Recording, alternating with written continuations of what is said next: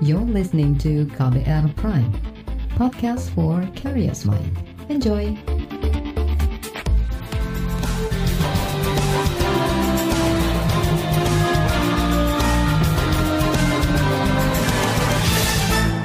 Disiarkan langsung dari studio KBR di Jakarta, inilah KBR sore untuk hari ini, 29 Desember 2022. Halo apa kabar saudara?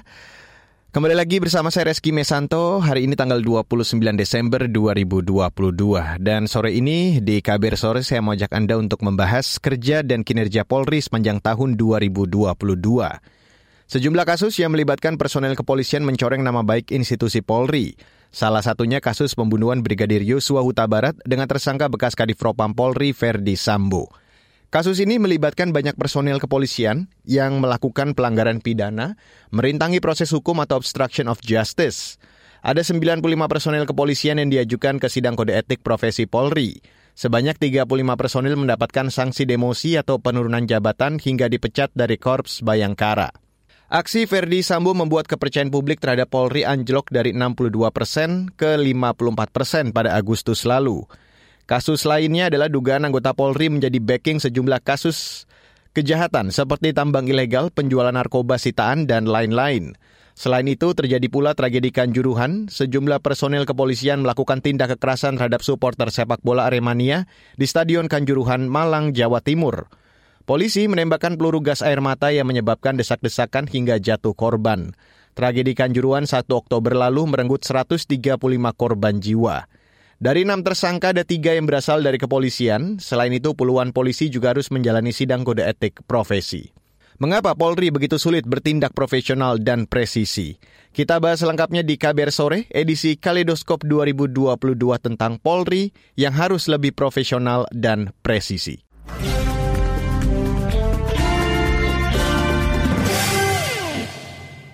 Saudara Polri sepertinya bakal meninggalkan tahun 2022 ini dengan noda buruk. Kepercayaan publik terhadap Korps Bayangkara berkurang karena berbagai kasus. Lembaga Survei Indikator Politik Indonesia pada Agustus lalu mencatat tingkat kepercayaan publik terhadap Polri jatuh ke titik nadir. Dari 62 persen di bulan Juni merosot ke 54 persen di bulan Agustus. Uh, menjadi the most trusted ya institution. Nah, dulu itu biasanya KPK KPK ya, KPK melorot sekarang. Bahkan tahun akhir tahun lalu polisi, the most trusted institution kita waktu itu rilis 80 persen lebih masyarakat percaya terhadap polisi. Sekarang polisi melorot ya eh, sekitar 60 persen, hanya sedikit di atas partai politik. Nah, tetapi kalau kita lihat data tren, ada perbaikan trust terhadap polisi. Nah, ini jadi lihat tuh ya di bulan Agustus Eh, kasus Sambo itu kapan ya? Juli ya kalau tidak salah ya. Sekitar itu ya. Agustus itu dropnya Anda bisa lihat di sini. Pernah di 80 persen, kemudian sempat turun di awal 2022, uh, 22, kemudian naik sedikit ke angka 76 persen yang trust polisi. Kemudian anjlok. Anjloknya nggak main-main. Dari 76 apa di bulan Agustus. Ini titik nadir saat itu ya. Tetapi kita harus juga mengapresiasi kepolisian Pak Kapolri eh, langkah-langkahnya belakangan ini itu mulai menampakkan hasilnya. Meskipun dibanding dengan lembaga lain masih terhitung di bawah, tapi paling tidak ada tanda-tanda recovery dari 54 ke 60 persen. Di antara lembaga penegak hukum, kepercayaan publik terhadap Polri paling rendah. Posisi Polri kini berada di bawah Mahkamah Agung, Kejaksaan Agung, Pengadilan, dan bahkan Komisi Pemberantasan Korupsi. Memburuknya kepercayaan publik terhadap Polri membuat Presiden Joko Widodo prihatin. Jokowi meminta Polri melakukan sejumlah koreksi internal, mulai dari menghilangkan kebiasaan pungli, mencari-cari kesalahan, bertindak represif hingga polisi yang bergaya hidup mewah. Keluhan masyarakat terhadap anggota Polri kita 29,7 persen itu ini sebuah persepsi karena pungli. Tolong ini anggota-anggota semuanya diredam untuk ini. Sewenang-wenang, tolong ini juga diredam pada anggota-anggota. Pendekatan-pendekatan yang represif jauhi. Mencari-cari kesalahan, nomor yang ketiga 19,2 persen. Dan yang keempat, hidup mewah yang tadi sudah saya sampaikan. Karena itu adalah aparat penegak hukum yang paling dekat dengan rakyat, paling dekat dengan masyarakat, dan paling sering berinteraksi dengan rakyat. Jadi ingatkan anggota-anggota, selalu di briefing anggota-anggota, seluruh anggota, dan ingatkan untuk hal-hal yang berkaitan dengan pelayanan masyarakat, ingatkan mereka. Jangan sampai karena tidak kecepatan kita, yang kedua, rasa aman dan nyaman masyarakat itu menjadi terkurangi atau hilang. Presiden Joko Widodo juga meminta Kapolri Listio Sigit Prabowo menyederhanakan visi Polri, yakni Polri yang presisi. Menurut Jokowi, istilah presisi harus berujung pada Polri sebagai pelindung dan pengayom masyarakat. Jokowi juga memerintahkan kepala, kepada Kapolri memberantas praktik judi online dan narkoba. Pertaruhan meraih kembali kepercayaan publik menjadi salah satu fokus utama Kapolri Listio Sigit Prabowo di enam bulan terakhir 2022. Kapolri Listio Sigit Prabowo menyatakan bakal mencopot anak buahnya yang terlibat sebagai backing perjudian, narkoba hingga bisnis tambang ilegal. Yang namanya perjudian apa pun bentuknya, apakah itu darat, apakah itu online, semuanya harus ditindak. Jadi saya ulangi, yang namanya perjudian, apakah itu judi darat, judi online dan segala macam bentuknya harus ditindak. Saya tidak akan memberikan toleransi kalau masih ada yang kedapatan, pejabatnya saya copot. Saya tidak peduli apa itu Kapolres, apakah itu direktur, apakah itu Kapolda, saya copot. Demikian juga di Mabes juga sama, tolong betul-betul diperhatikan. Kemudian hal-hal yang menjadi keluhan masyarakat dan dilaporkan, tolong dibereskan. Demikian juga masalah narkoba, jangan ada yang main-main. Kalau ketahuan bermain-main dengan masalah narkoba, mengatur, pengedar atau pengguna, ketahuan, saya copot. Illegal mining, apalagi di wilayah hutan lindung dan sebagainya, tidak ada lagi. Nyeludupan demikian juga, penyalahgunaan BBM, LPG, bahan pemerintah, tolong tertibkan. Masalah pungli, kalau ada saya tindak. Ini pertaruhan kita, tinggal rekan-rekan memilih yang mana. Yang nggak sanggup, turun dan awasi. Sekali lagi saya tanya kepada rekan-rekan, yang nggak sanggup angkat tangan. Arahan Kapolri yang disampaikan pertengahan Agustus lalu itu dipatuhi anak buah. Selama periode Juli hingga September, Polri membongkar 2.200-an kasus perjudian dengan 3.700-an tersangka. Khusus untuk judi online, Polri mengungkap 1.100-an kasus dengan 1.500-an tersangka yang terdiri dari pemain, pemilik, dan penyedia situs. Pertengahan Oktober lalu, Mabes Polri juga menangkap tiga buronan kasus judi online di Kamboja. Arahan Presiden Joko Widodo yang ditindaklanjuti Kapolri beserta jajarannya pun berhasil meningkatkan kepercayaan publik. November lalu, hasil survei indikator politik menunjukkan angka kepercayaan publik kepada Polri naik sedikit dari 54 ke 60 persen. Selanjutnya di KBR sore akan saya hadirkan laporan khas KBR yang kali ini mengangkat tema menelisik dugaan aliran uang tambang ilegal. Tetaplah di KBR sore. You're listening to KBR Pride, podcast for curious mind. Enjoy!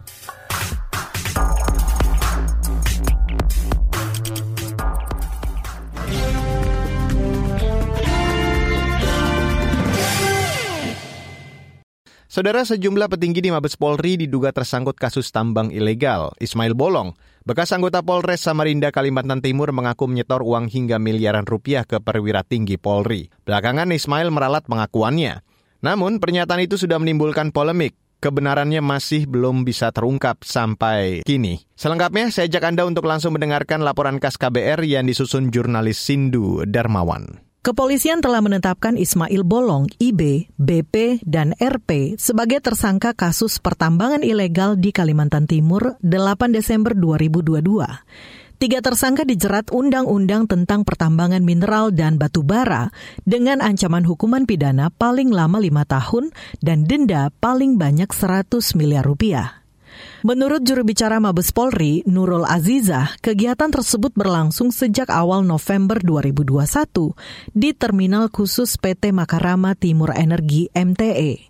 Sejumlah barang bukti yang disita antara lain buku tabungan dan tumpukan batu bara ilegal yaitu BP berperan sebagai penambang batu bara tanpa izin atau ilegal, RP selaku kuasa direktur PT EMP berperan mengatur operasional batu bara dari mulai kegiatan penambangan, pengangkutan, dan pemuatan dalam rangka dijual dengan atas nama PT EMP. Selanjutnya, IB berperan mengatur rangkaian kegiatan penambangan ilegal pada lingkungan PKP 2B perusahaan lain dan menjabat sebagai komisaris pada PT EMP yang tidak memiliki izin usaha penambangan untuk melakukan kegiatan penambangan.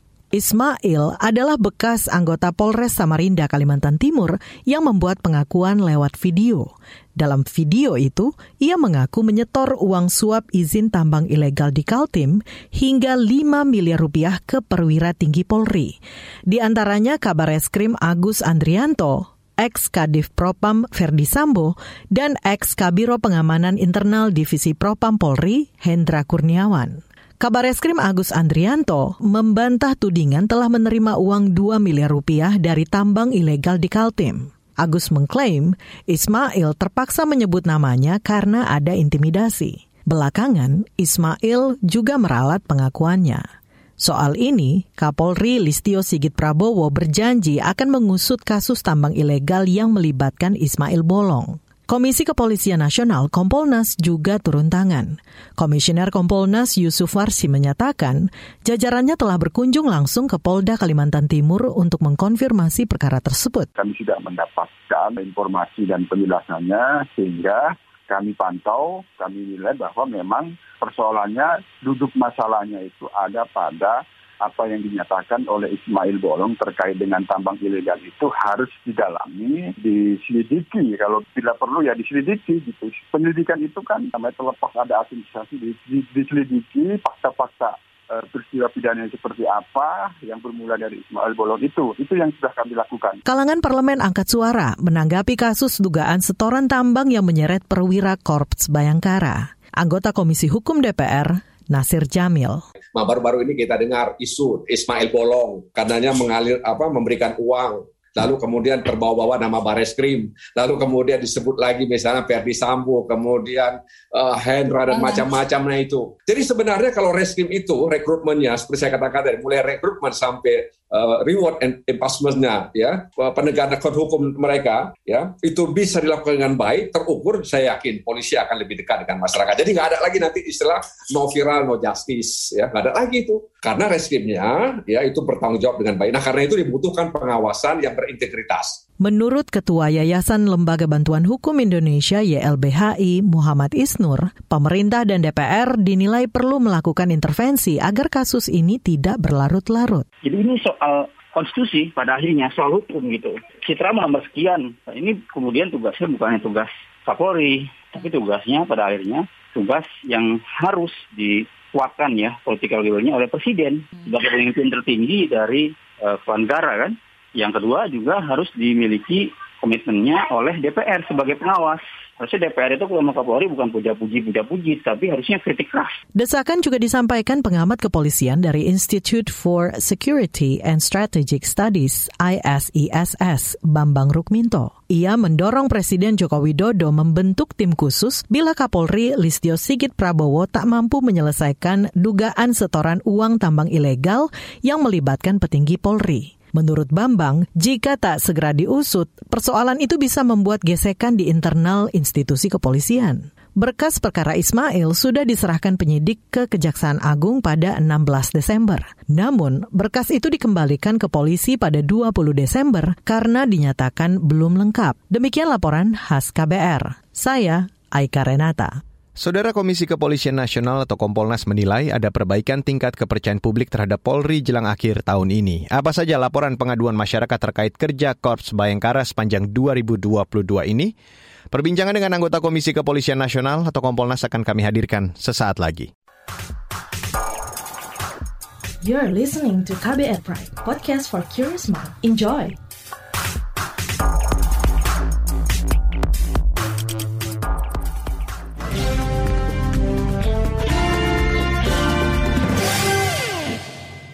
Komisi Kepolisian Nasional Kompolnas menilai ada perbaikan tingkat kepercayaan publik terhadap institusi Polri pada akhir tahun ini.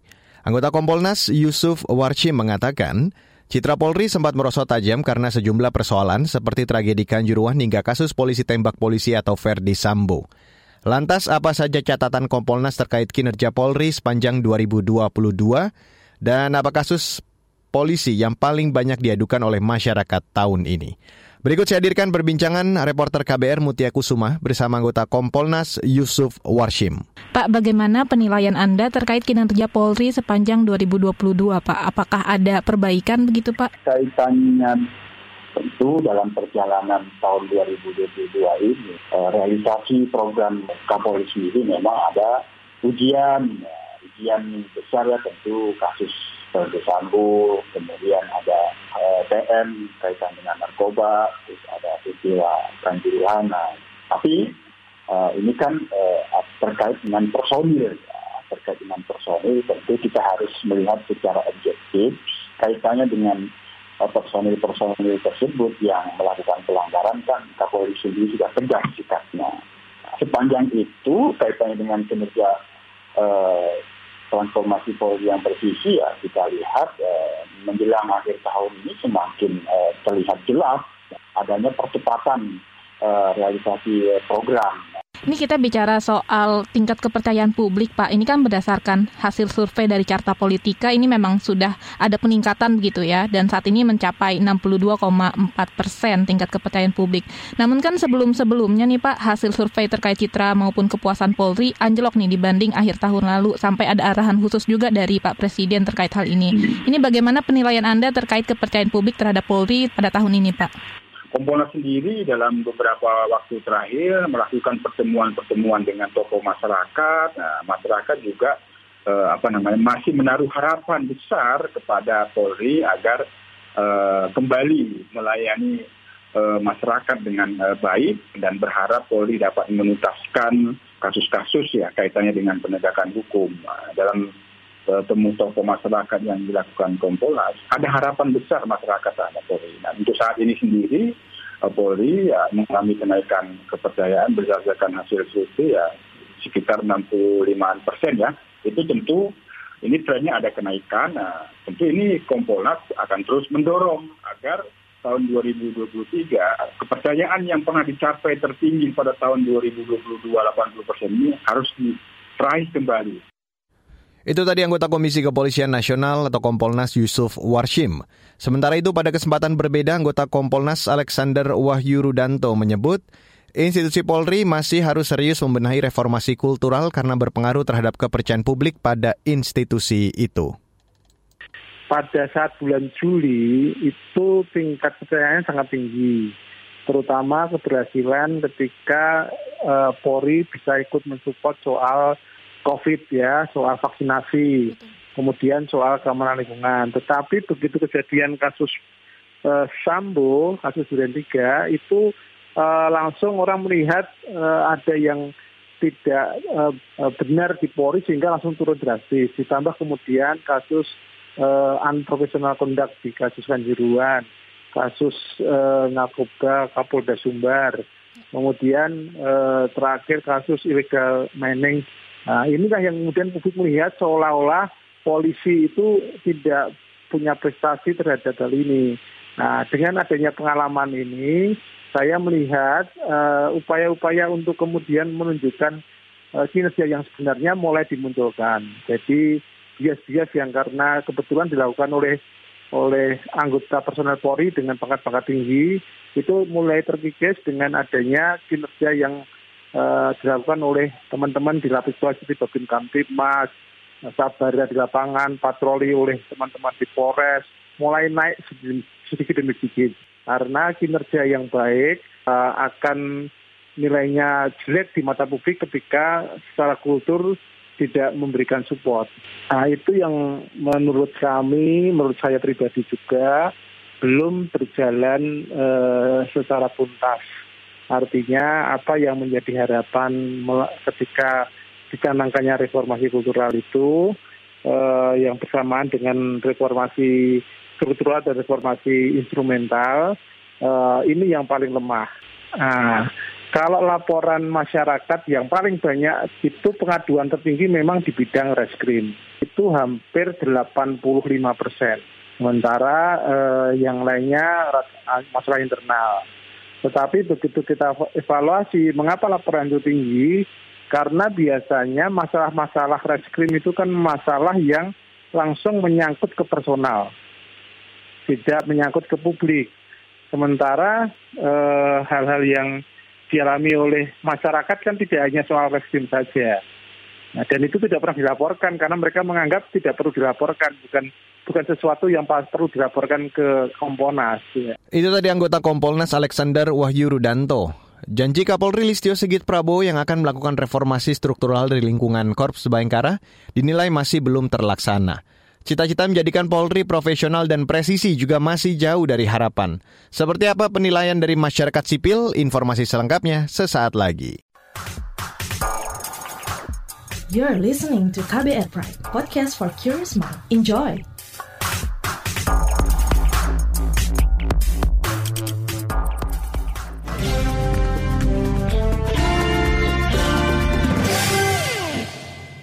Saudara Polri dinilai gagal mewujudkan janjinya melakukan reformasi struktural. Kegagalan itu dikarenakan banyak kasus-kasus pelanggaran hukum yang justru melibatkan para petinggi Polri. Lantas, perbaikan apa yang dibutuhkan untuk mengembalikan profesionalisme Polri dan menjadikan Polri yang presisi? Berikut saya hadirkan perbincangan jurnalis KBR Heru Hetami bersama Ketua LSM Pemantau Kepolisian Indonesia IPW Sugeng Teguh Santoso. Bagaimana catatan IPW terkait kinerja Polri di tahun 2022? Kita berkaca dulu tahun 2021. Polri mendapatkan respon positif dari masyarakat dengan penilaian survei itu 76 persen ya. Nah 2002 ini Polri mendapatkan kondisi tantangan yang menurut saya berat. Ada yang bisa diatasi, tetapi terkendala ketika harus mengatasi problematika internal. Tantangan-tantangan terkait tupoksi ya, itu sebetulnya berhubungan dengan masyarakat. Polri itu berusaha memenuhi ya fungsinya kepada masyarakat. Satu misalnya soal lantas ya, kan terakhir adalah larangan untuk melakukan tilang manual. Itu adalah upaya untuk menekan potensi pelanggaran oleh anggota di bawah. Kemudian kasus juga setiap kasat kepala satuan wilayah diwajibkan untuk turun ke lapangan untuk menyapa masyarakat ya itu upaya yang dilakukan. Kemudian 2022 andai dengan kasus yang cukup besar Sambo Nah, dalam kasus Sambo serta Teddy Minahasa, Polri berhasil keluar dari uh, menyelesaikan tantangan ini dengan baik ya, dengan dibentuknya tim sus ya dalam kasus Sambo, tim sus gabungan. Jadi penyelesaiannya baik. Tetapi Polri terkendala ketika menghadapi kasus-kasus yang tertutup terkait dengan dugaan pelanggaran para perwira tingginya. Seperti apa kasusnya? Kasus-kasus yang tertutup dan terbuka kepada publik yang diterima oleh IPW ada dua kasus besar. Satu kasus terkait Ismail Bolong di mana ada tiga potensi pelanggaran di sana yang harus ditindak, yaitu pelanggaran soal Undang-Undang Minerba, ini bisa diselesaikan dengan baik. Tetapi terkait pelanggaran oleh anggotanya, ya, oleh anggotanya terkait dugaan gratifikasi dan suap dan dugaan pelanggaran kode etik karena memberikan perlindungan terhadap praktek tambang ilegal dengan menerima sejumlah uang, diduga menerima sejumlah uang, Polri tidak mampu mengatasinya. Tidak mampu atau tidak mau mengatasinya. Sekarang muncul lagi satu kasus yang terstruktur dan sistematis juga. Keterlibatan Polri secara sistematis menyalahgunakan kewenangan oknumnya ya di dalam pengambil alihan saham satu perusahaan yang telah memiliki IUP. Dan perusahaan tambang ini diambil alihnya, diambilnya secara terstruktur karena menggunakan cara-cara legal dan di sana Polri ikut nimbrung dengan mengkriminalisasi dengan menggunakan kewenangannya dalam penegakan hukum untuk menekan itu kondisi Polri ya. Artinya apakah ini menunjukkan bahwa Polri gagal melakukan reformasi struktural? Sebetulnya Polri kita ini profesional dia mampu mengatasi persoalan-persoalan di luar uh, yang menjadi tupoksinya. Tetapi tidak mampu atau tidak mau menindak oknum apalagi perwira tinggi dalam uh, pangkat jenderal yang diduga melanggar. Karena apa? Satu, karena Kapolri saya lihat mau menjaga status quo. Yang saya maksud status quo adalah tidak terjadi keributan, tidak terjadi konflik di dalam internal. Jadi yang dipilih adalah cara tidak menindak gitu ya. Yang kedua, di dalam tubuh Polri, terutama perwira-perwira tinggi, ini ada kelompok-kelompok yang saling juga memegang rahasia satu sama lain. Kalau dibuka, mereka akan saling buka. Kita berkaca pada kasus Sambo ya. Ketika Sambo membuka kasus Ismail Bolong terjadi satu apa konflik di dalam melibatkan perwira tinggi. Ini sesuatu yang mencemarkan nama baik Polri jadi yang menurut saya bukan mencemarkan ya harus dibuka sebetulnya tetapi yang dilakukan pembungkaman. Jadi menurut saya di tahun 2022 ini Polri tidak lulus ya dalam menghadapi ujian. Ujian terkait adalah problematik internal, lebih khusus lagi adalah dugaan pelanggaran oleh perwira tinggi. Lantas bagaimana untuk menjadikan Polri lebih profesional dan presisi di tahun 2023? Diperlukan kepemimpinan yang bersih dan tegas ya. Kalau kepemimpinan yang bersih dan tegas ya, tidak ada keraguan membersihkan, itu bisa diselesaikan karena tidak akan bisa mudah diserang. Pemimpin yang mengambil tindakan pembersihan, menertibkan, dia tidak akan bisa diserang gitu. 2023. Ya, saudara itu tadi Ketua LSM Pemantau Kepolisian Indonesia IPW Sugeng Teguh Santoso. Dan perbincangan ini sekaligus menutup kabar sore untuk hari ini, edisi 29 Desember 2022. Saya Reski Mesanto undur diri, salam.